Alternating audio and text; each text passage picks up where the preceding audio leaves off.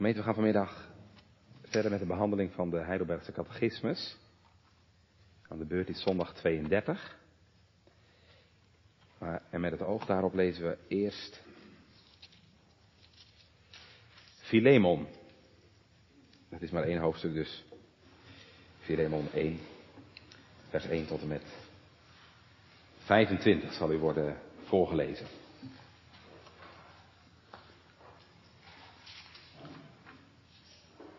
Paulus, een gevangene van Christus Jezus, en Timotheus, de broeder aan Filemon, de geliefde en onze medearbeider. En aan Appia, de geliefde, en aan Archippus, onze medestrijder, en aan de gemeente die te uur huizen is. Genade zij u lieden en vrede van God, onze Vader, en de Heere Jezus Christus.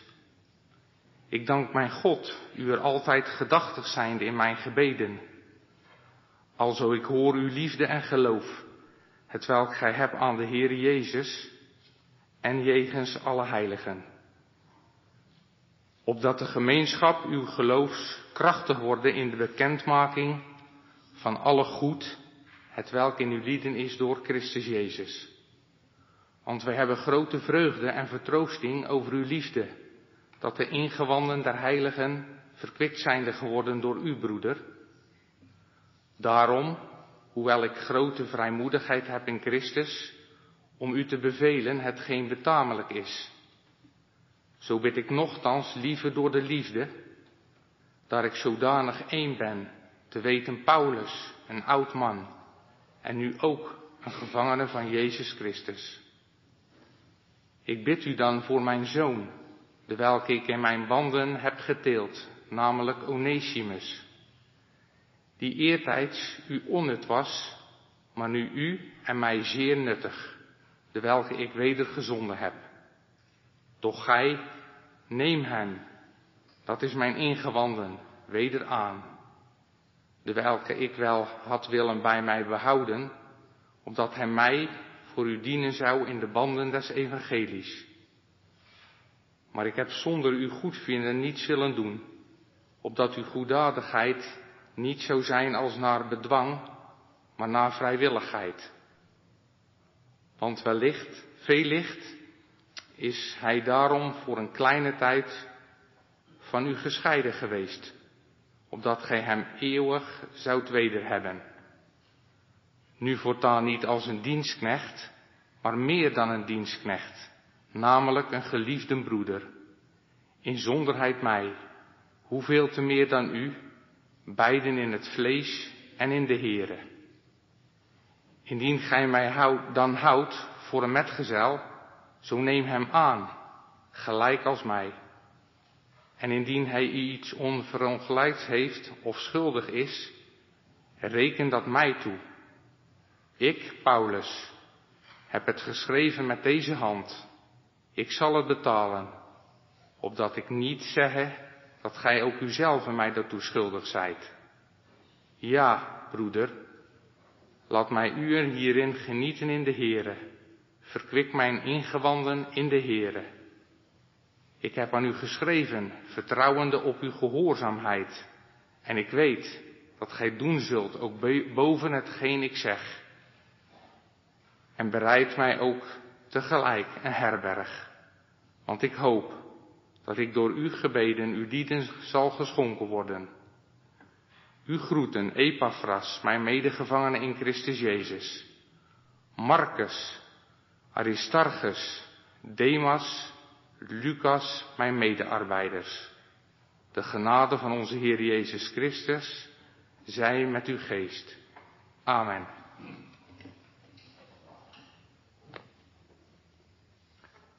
Gemeente, jongens en meisjes. We hebben net in de Bijbel het verhaal gelezen van Onesimus. Ik weet niet of je dat verhaal kent. Ik zal het even vertellen. Die Onesimus, jongens en meisjes, was een slaaf. Nou, lijkt het jou fijn om een slaaf te zijn? Nee, ik zie je al schudden. Dat is niet fijn natuurlijk. want een slaaf moet altijd doen wat zijn baas zegt. Nou had Onesimus best een fijne baas. Philemon heette die. Het was een man die de Heere lief had. En toch, jongens en meisjes, had Onesimus het niet naar zijn zin bij Philemon. Hij wilde gewoon lekker vrij zijn en niet al die klusjes hoeven te doen. En daarom was er in zijn hart een plannetje gegroeid. Onesimus dacht, weet je wat? Op een dag loop ik weg. En zo is het ook gegaan. Op een dag zag hij zijn kans schoon. En hij dacht, bekijk het maar. Ik ben weg. En ik kom nooit meer terug. En Onesimus is helemaal naar Rome gevlucht. Grote stad. Dacht, daar herkennen ze me toch niet tussen al die duizenden mensen. En ik dacht dat hij daar lekker kon gaan genieten van zijn vrije leventje. Maar jongens, meisjes, het liep heel anders. Weet je wie die notabene tegenkwam in Rome? Paulus. En weet je wie er nog meer tegenkwam? De Heer Jezus. Paulus vertelde Onesimus over de Heer Jezus. En Onesimus kwam tot geloof in de Heer. En toen heeft de Heer Jezus zijn hart veranderd. En weet je wat Paulus toen zei? Onesimus, jij moet terug. Terug naar Philemon. Ik, zou je best graag hier bij me willen houden om mij te helpen. Maar dat kan niet. Want jij bent weggelopen. Je hoort bij Philemon. Dat mag niet. Ga terug. En jongens en meisjes, toen is er iets heel bijzonders gebeurd. Onesimus ging terug. Hij ging terug om weer voor zijn baas te werken. Hij heeft niet gemopperd, hij heeft niet geprotesteerd. Hij ging. eerst moest hij en wilde hij niet. En nu gaat hij zomaar helemaal vrijwillig terug om voor zijn baas te werken. Paulus zegt in vers 11, eerst was hij van geen nut, maar nu is hij voor mij en voor u van veel nut. Hé, hey, hoe kan dat? Eerst niet, nu wel. Nou, ik heb het eigenlijk al gezegd natuurlijk, hè. Onesimus heeft de Heer Jezus lief gekregen. Onesimus heeft een nieuw hart gekregen. En ja, dan wordt alles anders. Wat je eerst niet wilde, wil je nu wel. En wat je eerst wel graag wilde, dat wil je nu niet meer. Nou, daar gaan wij het vandaag en de komende tijd over hebben. Waarom een christen de Heere graag wil dienen. En hoe dat moet. Hoe je dat doet. Want daar gaat het over gemeente in het derde deel van de catechismus. Nou, u weet het, gaat in de catechismus over drie thema's. Ellende, verlossing en dankbaarheid. Hè? Zondag 1 tot en met 4 ging het over de ellende, hè, waarin we door de zonde zijn terechtgekomen. En zondag 5 tot en met 31, dat hebben we dus nu afgerond, um, ging het over de verlossing, waar de Heer Jezus voor gezorgd heeft. En in dat derde deel, dat is zondag 32 tot en met 52, 20 zondagen, gaat het over de dankbaarheid die een christen God verschuldigd is. En die dankbaarheid, gemeente, dat zullen we zien vandaag, die dankbaarheid komt tot uiting in goede werken. Een christen is iemand die goede werken doet. Nou, vanmiddag, het is de eerste zondag van dat stuk der dankbaarheid, gaat het met name over de waarom-vraag. Waarom goede werken? want als het nou zo is dat je door het geloof, uit genade alleen, verlost bent, gered bent, waarom zou je dan nog goede werken doen? Nou, dat gaan we vanmiddag horen, gemeente, in zondag 32. Leest u mee. Vraag 86 en 87. Ze staan op de handout en anders achter in uw Bijbel. Vraag 86.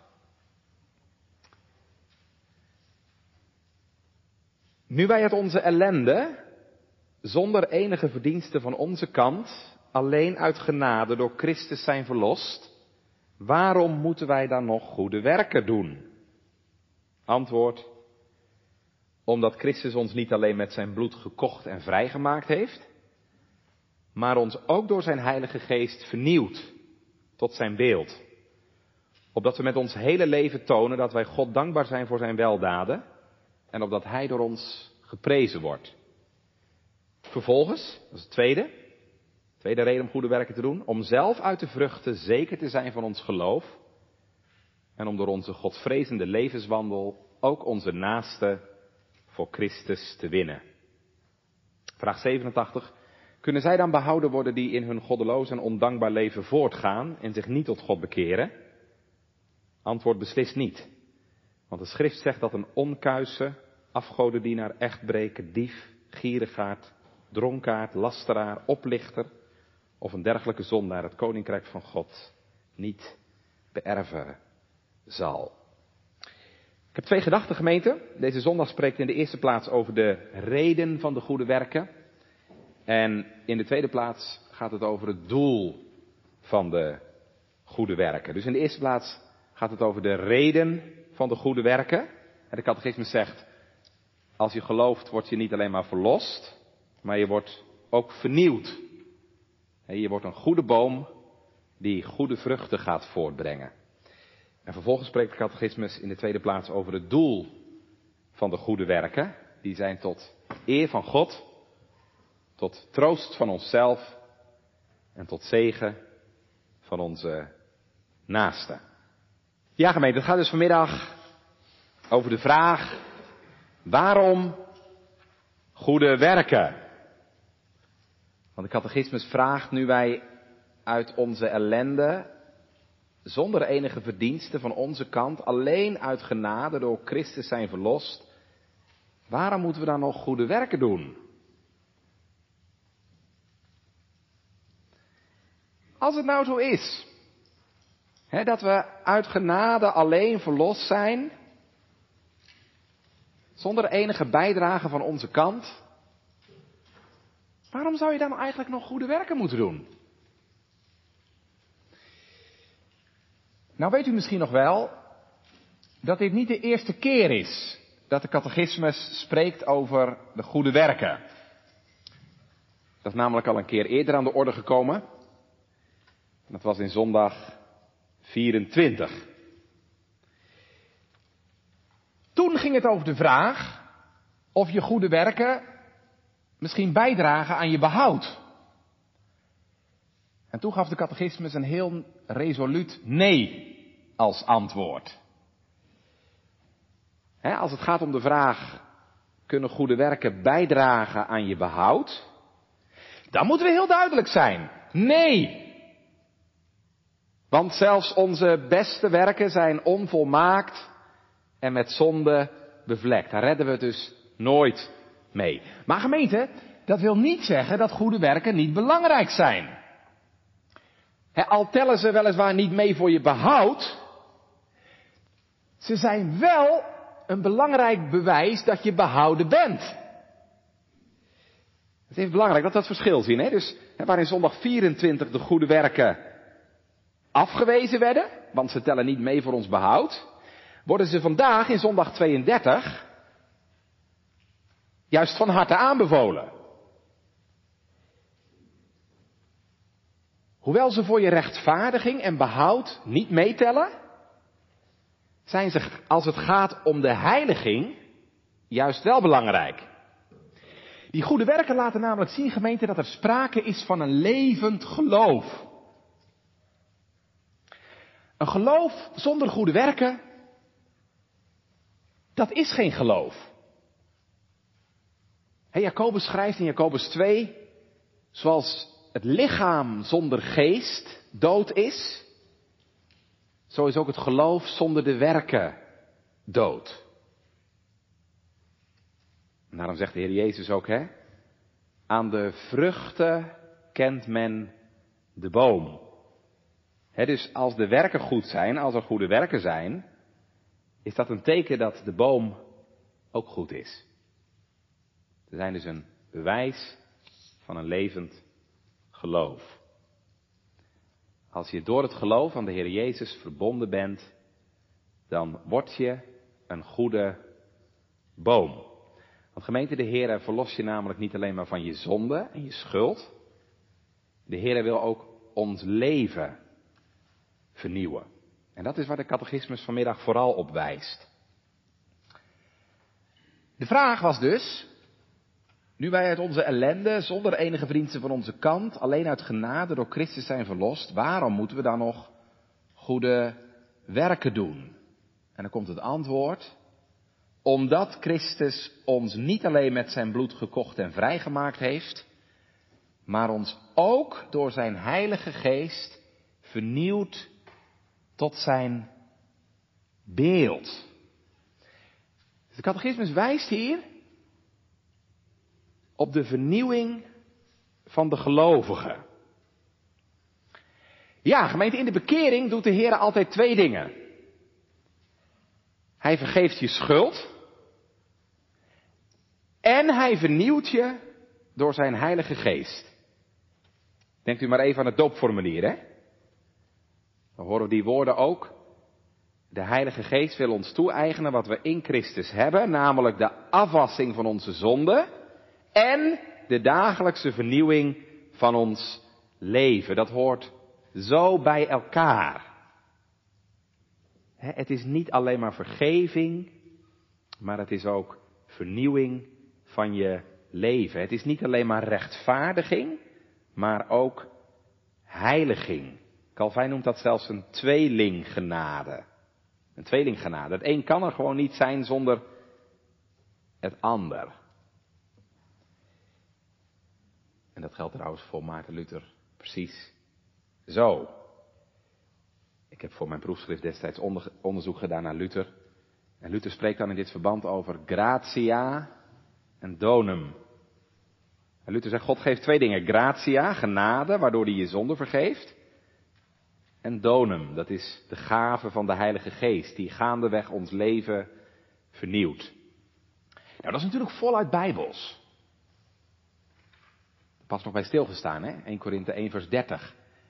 Dat Christus ons gegeven is tot rechtvaardiging en tot heiliging.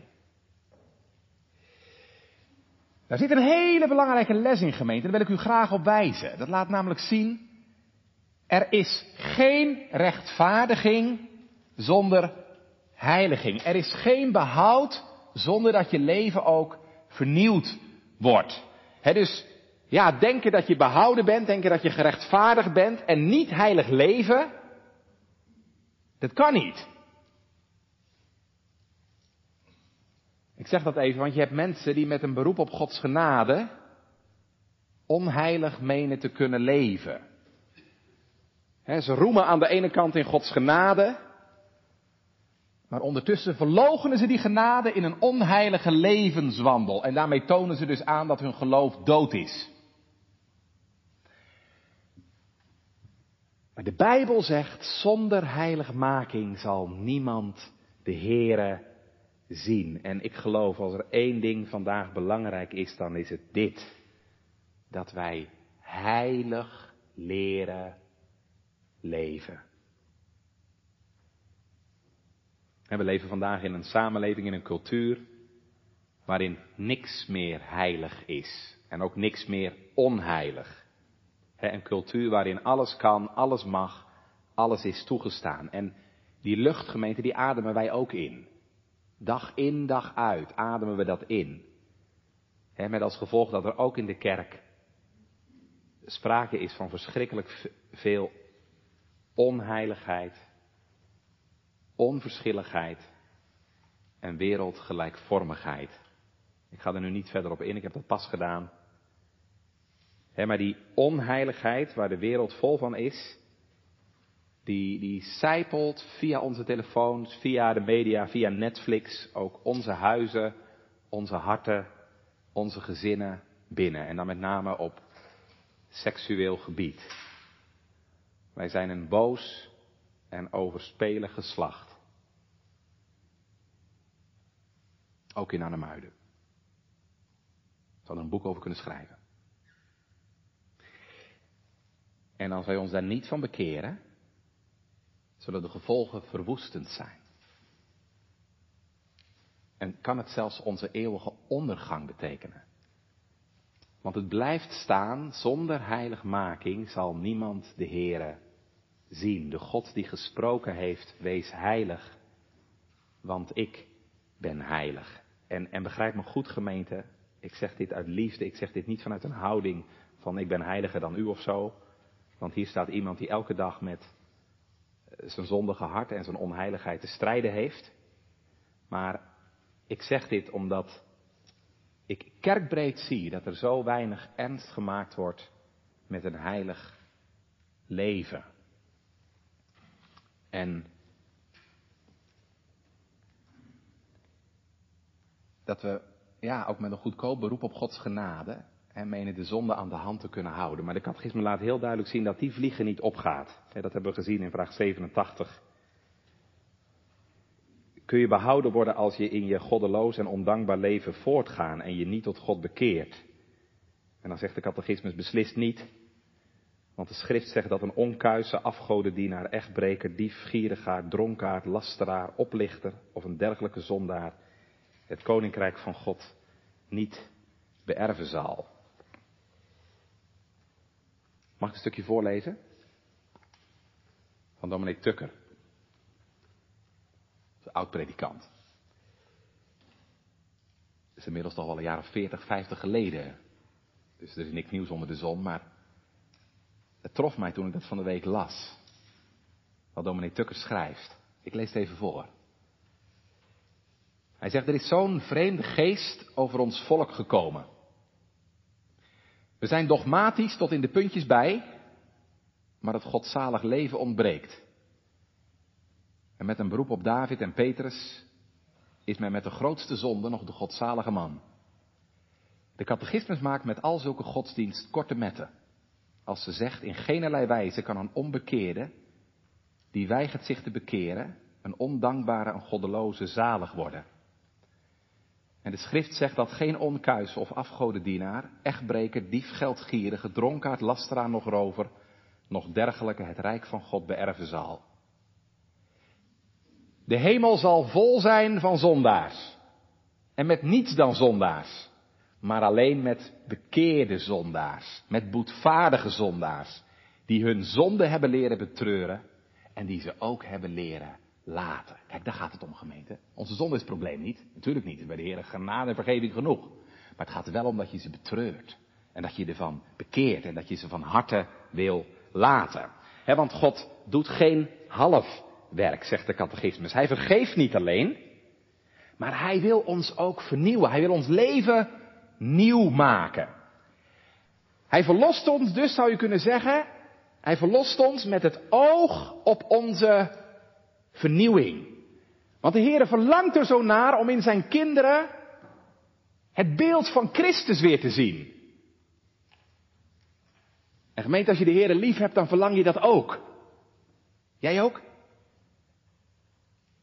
Is dat uw gebed? O zoon, maak mij uw beeld gelijk. Daar gaat het om. En daar gaat het ook Christus om. Christus die ons door zijn bloed heeft gekocht en verlost, is het ook die ons door zijn geest naar zijn beeld vernieuwt. Patricia St. John vertelt in een van haar boeken een heel mooi verhaal over een schilderij. schilderij van de Engelse koning Charles. Alleen niemand wist dat hij op het schilderij stond was namelijk een dikke laag verf overheen geschilderd. King Charles was namelijk in ongenade gevallen bij het Engelse volk. En uh, ja, de eigenaar van dat schilderij vond het maar beter dat niemand wist dat de koning erop stond. En daarom had hij er zoiets overheen geschilderd. Maar eeuwen later was er een kunstkenner. Die zei, hé, hey, er zit hier iets achter. En toen hij die dikke lagen verf er voorzichtig afhaalde, kwam het beeld van de koning tevoorschijn. Nou gemeente, dat doet de Heilige Geest ook. Het gaat erom dat het beeld van de koning zichtbaar wordt in je leven. En hoe meer je nou op de Heer Jezus mag zien, hoe meer je door het geloof op de Heer Jezus mag zien, hoe meer dat beeld van Hem ook in je leven zichtbaar gaat worden. onder die dikke klodders van de zonde vandaan. Paulus zegt dat zo mooi in 2 Korinthe 3. Wij allen nu, die met onbedekt gezicht de heerlijkheid van de Heere, van de Heer Jezus, als in een spiegel aanschouwen. En we zien hem niet direct, de Heer Jezus, we zien hem door de spiegel van het woord. Wij worden na dat beeld van gedaante veranderd.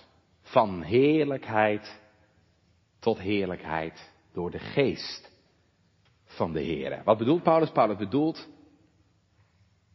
wie door het geloof voortdurend op de Heer Jezus ziet, die wordt ook zelf naar zijn beeld veranderd. Stukje bij beetje, van heerlijkheid tot heerlijkheid. Daar zit dus groei in. Als het goed is, moet je over tien jaar meer van de Heer Jezus laten zien in je leven dan nu. Het gaat erom, gemeente, dat een christen meer en meer het beeld van de Heer Jezus gaat vertonen. als u de Heer vreest, gemeente, dan is het de bedoeling, dan is het Gods bedoeling, dat u meer en meer dat gezegende beeld van de Heer Jezus gaat vertonen. Dat je nederig wordt, zoals Hij nederig was. Dat je vriendelijk bent, zoals Hij vriendelijk is. Dat je de waarheid lief hebt, zoals Hij de waarheid lief heeft. Dat je God gericht bent, zoals Hij op God gericht was. Dat je Gods wil doet, zoals Hij Gods wil deed. Dat het je verlangen is om de Vader te behagen, zoals dat Zijn verlangen was. dat iets zichtbaar wordt van dat gezegende beeld van de Heer Jezus. Dus waarom doet een christen goede werken? Ik vat het even samen. Omdat Christus je niet alleen vergeeft, maar hij je ook vernieuwt. als je door het geloof aan Hem verbonden bent, dan gaat de Heilige Geest in je wonen en werken. Dan gaat de Heilige Geest, denk even aan dat schilderijtje, dan gaat de Heilige Geest dat beeld van de koning herstellen. En zoals zondag 24 zegt, dan is het onmogelijk dat wie Christus door een waar geloof is ingeplant, geen vruchten van dankbaarheid zou voortbrengen. He, zoals de rank vrucht draagt door de wijnstok, zo draagt een christen die aan Christus verbonden is, zo brengt hij ook vruchten voort. En waarom is dat? Nou, dan gaan we naar kijken in onze tweede gedachte. En dan wil ik met u letten op het doel van de goede werken. Of ik kan beter zeggen de doelen van de goede werken. Want de catechisme noemt er hier vanmiddag drie.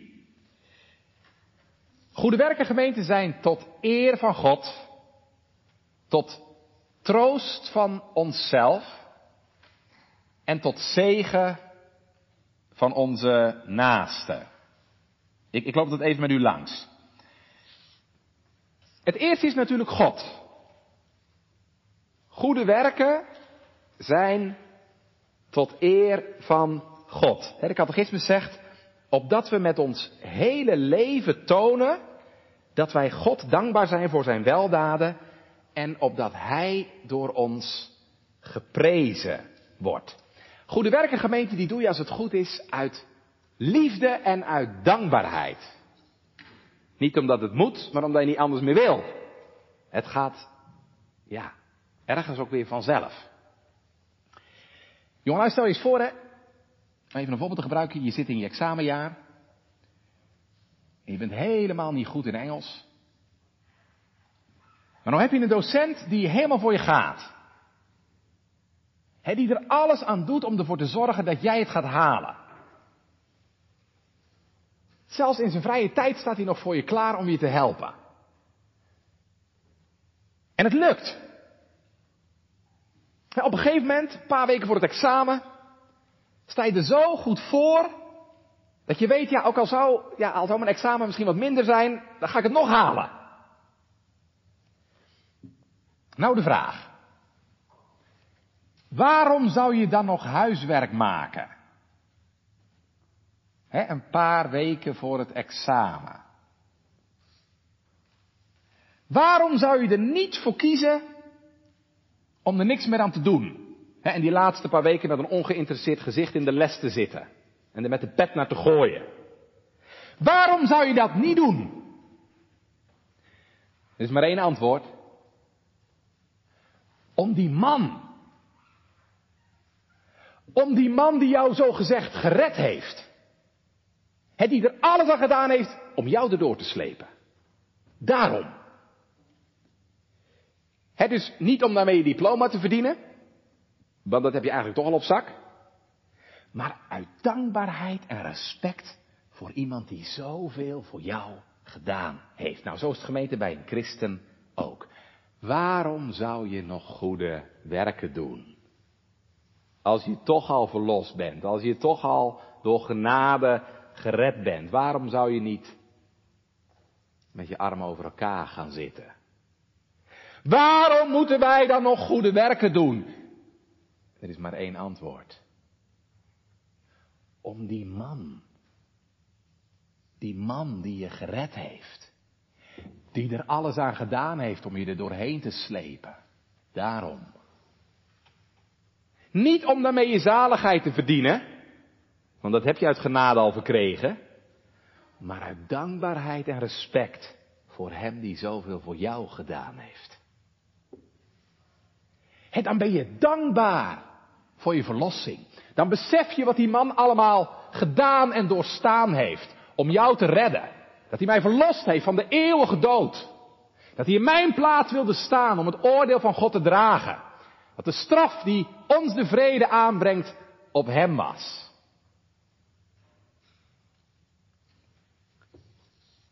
Ik zag pas een filmpje voorbij komen. De NOS. Van een vrouw die, uh, zoals in Amerika, die te water geraakt was met haar auto. En die echt op het nippertje de laatste paar seconden eruit gehaald werd door een paar dappere mannen. Zou je die niet altijd dankbaar zijn? Jouw leven gered hebben? Maar gemeente, zoals ook met een christen. Wij worden verlost, opdat we met geheel ons leven God dankbaarheid tonen voor zijn weldaden. En opdat Hij door ons geprezen wordt. En let er even op, dat danken, gemeente, dat gebeurt niet alleen maar met je mond. De catechisme zegt heel nadrukkelijk, dat gebeurt met heel je leven. Natuurlijk, dat doe je ook met je mond, hè, dat je met je mond de Heer looft en prijst en dankt. Maar het gaat verder, het is veel dieper nog, het is veel rijker nog. Danken gemeente, dat doe je ook zonder woorden. Met je leven staat er hier. Met ons hele leven. Dus niet alleen je mond, maar ook je oren en je ogen en je handen en je voeten. En hoe doe je dat dan? Nou, bijvoorbeeld dat je hè, uit liefde tot de Heer een luisterend oor wil bieden voor mensen die dat nodig hebben. Dat je uit liefde tot de Heer je handen wil gebruiken om anderen te helpen. Dat je uit liefde voor de Heer je ogen wilt bewaren voor verkeerde beelden. Dat je uit liefde tot de Heer je voeten richt op de wegen van de Heer. In plaats van te wandelen op de wegen van de zondaars. Met heel je leven, met heel je lichaam, met heel je wezen. De Heere dienen en danken. Omdat hij dat zo waard is. Mijn hart, o hemel majesteit, is tot uw lof en dienst bereid. Nou, dat is het eerste. Goede werken zijn tot eer van God. Het tweede, dat is het tweede doel. Ze zijn ook tot troost van jezelf. Vervolgens staat er, om zelf uit de vruchten zeker te zijn van ons geloof. Goede werken helpen dus ook om te groeien in de geloofszekerheid. Ehm, goede werken gemeenten die versterken het geloof en zijn dus behulpzaam voor de geloofszekerheid. Ik zei u al, hè, aan de vruchten kent men de boom. En als jij nou bij jezelf mag gewaar worden, als je nou bij jezelf mag merken hè, dat, je, ja, dat er een verlangen in je hart is gekomen om tot eer van God te leven. Dat je verlangt om dienstbaar te zijn, dat je minder snel boos wordt dan vroeger, dat je meer geleerd hebt om jezelf te beheersen. Dat er meer berouw is over je zonde en meer liefde voor de Heer Jezus. En meer liefde ook voor je naaste. Het om jezelf te verloochenen. Gemeente, dan mag je daar met blijdschap de Heere in aan het werk zien. De Heere, dat doet u in mij. Wat een wonder. Natuurlijk, dat weet ik ook gemeente, en een gelovige ziet ook hoe langer hoe meer, hoe hardnekkig de zonde nog is in je leven. En, en dat je vaak nog zo'n last hebt van je zondige aard. En, en, en, hoe traag en hoe laks en hoe lui en hoe lauw je vaak nog bent. Dat is waar, maar toch zul je ook iets anders zien. Want dat eerste, dat heb ik van mezelf. Mijn zondige vlees. Maar dat tweede, ja, dat komt echt van God. Zulke vruchten groeien niet op onze akkergemeente. Dat is echt omdat Hij een goed werk in je begonnen is. Een goede boom kan geen kwade vruchten voortbrengen. Dan mag je tot je verwondering zien, Heere, U werkt in mijn leven. En dan het laatste gemeente. Het is tot eer van God, het is tot troost van jezelf, het is ook tot zegen van je naaste. Ja, hè, er is natuurlijk niet alleen maar liefde tot God, maar er is ook liefde tot de naaste. Dat hoort natuurlijk helemaal bij elkaar. Je zou kunnen zeggen, de liefde tot God die komt tot uiting, die uit zich in de liefde tot de naaste. En daarom staat er ook, hè, op door onze Godvrezende levenswandel ook onze naaste voor Christus te winnen. Is dat uw verlangen? En zeg je, dominee, waar moet ik dan beginnen? Nou, begin maar gewoon thuis. Je naaste, dat zijn de mensen die het meest naast je staan. Je man, je vrouw, je kinderen. Is je man nog niet bekeerd? Zul je voor hem bidden? En in je leven laten zien dat het je verlangen is dat hij ook de Heer leert kennen. Zijn je kinderen nog niet bekeerd? Laat je ze in je leven zien wat het betekent om de Heer te dienen. Gaat er iets van uit? Worden ze daar jaloers op? Kunnen ze aan je merken dat je de Heer vreest? Spreek je met ze over de Heer en over de noodzaak om Hem te kennen en Hem te dienen? Of heb je het daar nooit over? Dat is geen goed teken. Christen verlangt om tot zegen te zijn voor zijn naaste. In je woorden, in je houding, in je werken. Als je in de thuiszorg werkt, en ik weet dat ze er zijn, als je zomaar eens een goed woord van de Heer spreekt en mensen in alle eenvoud de Heer Jezus wijst. Ik moet even denken aan dominee van den Berg. Hij lag opgebaard thuis, ik was even op bezoek. En uh, de bel ging. Er kwamen een paar marktkooplui. Die kwamen bloemen brengen. Want ze hielden van hem. ging elke woensdag expres even naar de markt. Knopte hij een praatje met hen aan. Toonde belangstelling in hen. Maar hij wees ook op de Heer. Daar ging wat van uit. Zo'n verlangen had hij om zijn naaste voor Christus te winnen. Nou gemeente, laten we onszelf toetsen vanmiddag. Hoe zit het met die dankbaarheid? Bij jou, bij mij, bij u. Is dit ook jouw verlangen? Om met je hele leven God dankbaarheid te bewijzen. Is het ook jouw verlangen om je naaste voor Christus te winnen? En u snapt gemeente, dat heeft natuurlijk alles te maken met je hart, hè? En eigenlijk zijn er dan maar twee mogelijkheden. Of mijn hart is op de Heer gericht,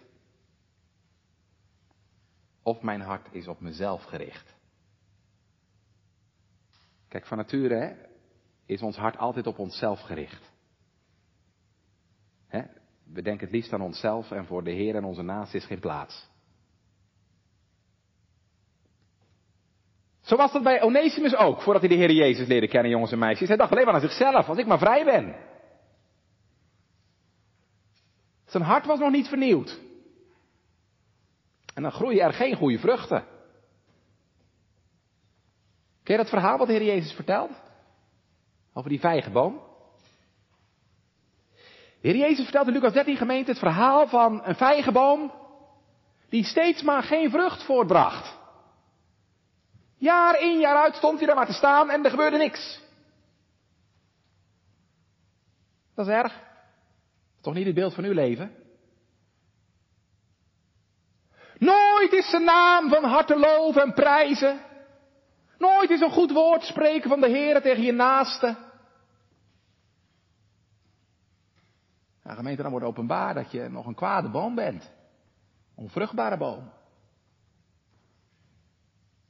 Maar u weet toch wel hoe het daarmee afloopt?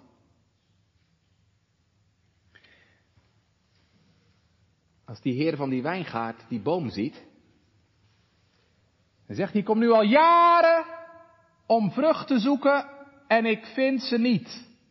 Hou hem uit, waartoe beslaat hij onnuttig de aarde? Ja, zou ik ook doen.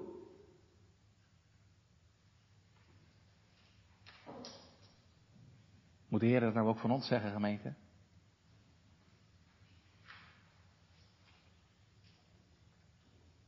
Hoe lang staat uw boom al zonder vrucht?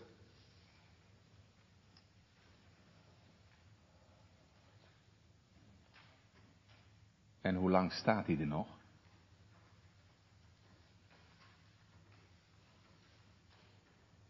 Gelukkig staat hij er nog vanmiddag.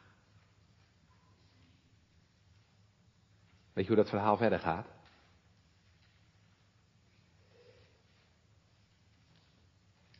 Wat zegt die wijngaardenier? Die heeft medelijden met die boom. Die zegt tegen zijn baas, heren, laat hem ook nog dit jaar staan. Ik, ik zal erom graven, ik zal er mes bij leggen. Misschien dat hij dan vrucht draagt. Lieve gemeente, nog legt God mest rond uw boom. Maar ik zeg er ook bij, de bijl ligt reeds aan de wortel van de boom. En elke boom die geen vrucht voortbrengt, wordt omgehouden en in het vuur geworpen. Ja, zeg je, dat begrijp ik wel, dominee, maar hoe moet dat dan? Hoe kan ik nou van een kwade boom een goede boom worden? Nou, dat kun je ook helemaal niet, daar heb je gelijk in. Maar weet je, de Heere kan gelukkig wel. Tuurlijk, u hebt helemaal gelijk. In eigen kracht, gemeente, kun je niet met de zonde breken. In eigen kracht kun je geen goede werken doen. Je kunt het wel proberen, maar dan loop je meestal snel mee vast. Ik kan natuurlijk wel een paar sinaasappels bij de supermarkt gaan halen en die aan mijn boom plakken, maar dat werkt niet. Het moet echt van binnenuit komen. Ze moeten uit mij groeien. Hoe kan dat nou? Kijk, we kunnen natuurlijk wel een beetje ons gedrag veranderen, maar wij kunnen niet onze natuur veranderen. ik kan tegen een varken natuurlijk wel zeggen dat hij niet in de modder mag liggen. Maar dat helpt niet, hij doet het toch. Dat is, dat is het aard van het beestje. Dat is zijn natuur. Om de modder te vermijden, zal die eerst een schaap moeten worden. Nou, dat moeten wij ook. We moeten een schaap worden. Een schaap van de goede herder. En nou is het zo'n troost, en dat is het laatste wat ik u op wijs, gemeente. Troost voor iedereen die daarmee worstelt, die zo graag een goede boom wil zijn, maar weet dat hij niet is. Mag ik u nog één keer erop wijzen, gemeente? Dat hebben we gelezen, hè? Het is Christus die ons door zijn geest naar zijn beeld vernieuwt. Het is Christus. Wat wij nou niet kunnen, wat voor mensen onmogelijk is, dat kan hij wel. Dat is mogelijk bij God. En die belofte, gemeente, mag ik u vanmiddag meegeven. Trouwens, die belofte had u al. Want die staat op uw voorhoofd. Toch? Als wij gedoopt worden in de naam van de Heilige Geest, belooft en verzekert ons de Heilige Geest dat Hij ons wil toe-eigenen wat we in Christus hebben de afwassing van onze zonden en de dagelijkse vernieuwing van ons leven. Die belofte die hebt u al. Dus ga nou niet zeggen dat het niet kan, want het kan wel. Hij kan het. er, erken maar je zwakheid en je zonde voor de Heer en, en, vertel maar eerlijk tegen de Heer, Heer, uit mij geen vrucht meer in de eeuwigheid. Vlucht tot Jezus met je onvruchtbare leven. Want Hij verlost je van de zonde en Hij vernieuwt je naar Zijn beeld. Dan word je aan Hem verbonden. En dan mag je een levende rank worden aan de wijnstok. En dan wordt het waar wat we lezen in Hosea 14. Uw vrucht is uit mij gevonden. Uw vrucht is uit mij gevonden. Die vruchtengemeente die hoeven niet zelf te maken. Nee, daar zorgt Hij voor. Wij zijn zijn maaksel, geschapen in Christus Jezus, zegt Paulus in Efeze. Om te wandelen in de goede werken die God voorbereid heeft. Hoor je dat? God heeft ze voorbereid. Ze liggen bij God al klaar, die goede werken. Het enige wat je moet doen, en steeds weer moet doen, is je vastklampen aan Christus. In Hem blijven want wie in mij blijft, die draagt veel vrucht. En als u nou Christus eigendom bent geworden, lieve gemeente, laat dit dan je hoogste prioriteit zijn. Wat hebben we vandaag in de kerk het meest nodig? Mensen die ernst maken met hun heiligmaking. Die ernaar verlangen om met heel hun leven vrucht te dragen tot eer van de Heer en tot zegen van je naaste. En moeten we dan niet eerlijk zeggen dat het bij ons zo vaak onder de maat is? Ze zo vaak tevreden zijn met, nou ja, het gaat toch zo'n gangetje, we zijn tevreden met de status quo. Jerry Brits heeft iets gezegd, ik vond dat een heel raak beeld. Hij zegt, veel christenen lijken op een auto met cruise control.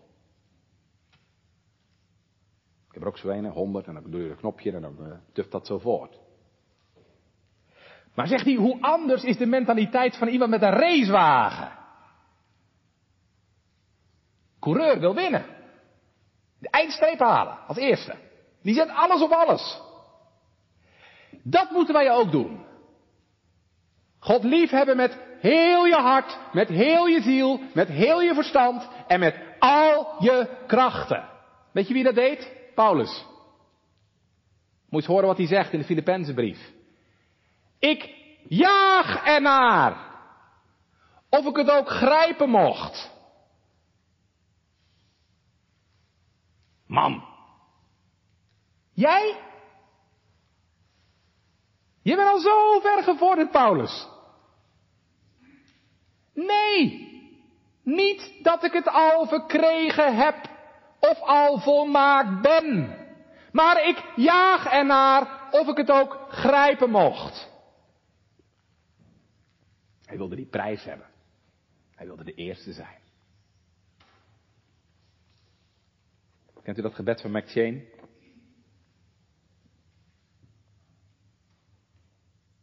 Here,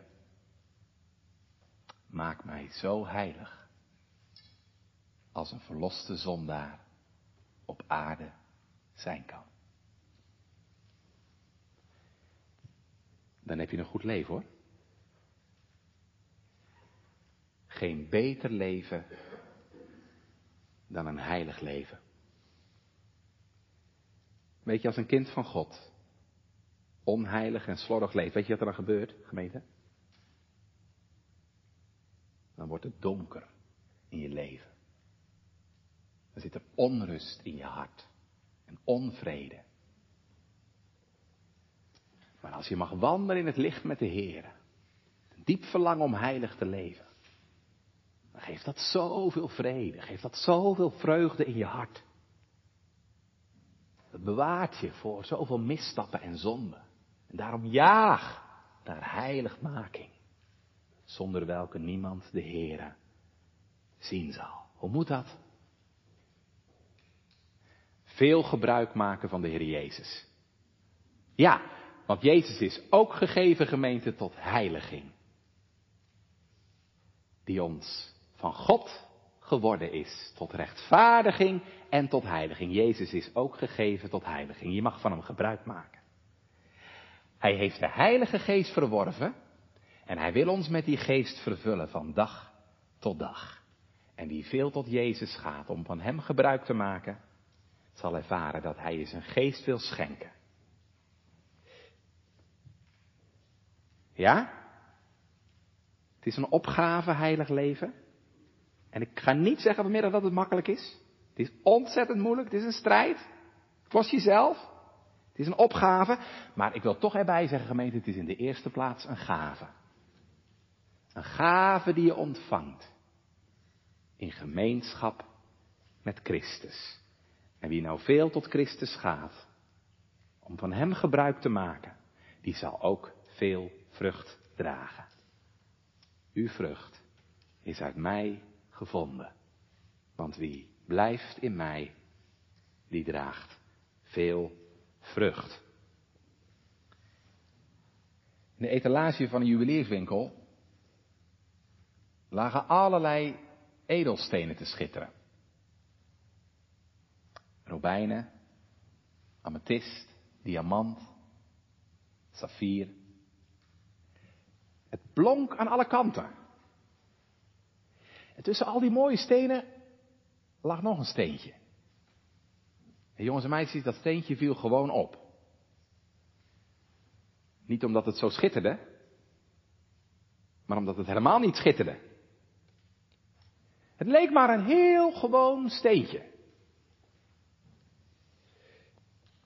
Iemand die ernaar stond te kijken, vroeg aan de verkoper, maar waarom ligt dat steentje nou daar? Het lijkt zo'n heel gewoon steentje. De verkoper begon te lachen. Hij zei, je weet niet wat je zegt. Kijk maar eens. Hij pakte het steentje en hield het in zijn hand. Een minuut of twee. En die steen begon te stralen. Alle kleuren van de regenboog. Maar toen die man hem weer teruglegde, zag hij niks meer. Zodra de steen koud werd, schitterde hij niet meer. Je moest hem in je hand houden en dan zorgde de warmte van je hand ervoor dat de steen begon te stralen. Toen ik dat las gemeente dacht ik, dat is nou een christen. Op zichzelf genomen zie je er niks aan. Maar als die in de hand van Christus ligt, gaat hij stralen. Ga dan tot Jezus. Opdat Hij u verlost. Opdat Hij u vernieuwt. Opdat je in Zijn hand mag liggen. En aan Hem verbonden vrucht zult dragen. Want die blijft in mij, draagt veel vrucht. Amen.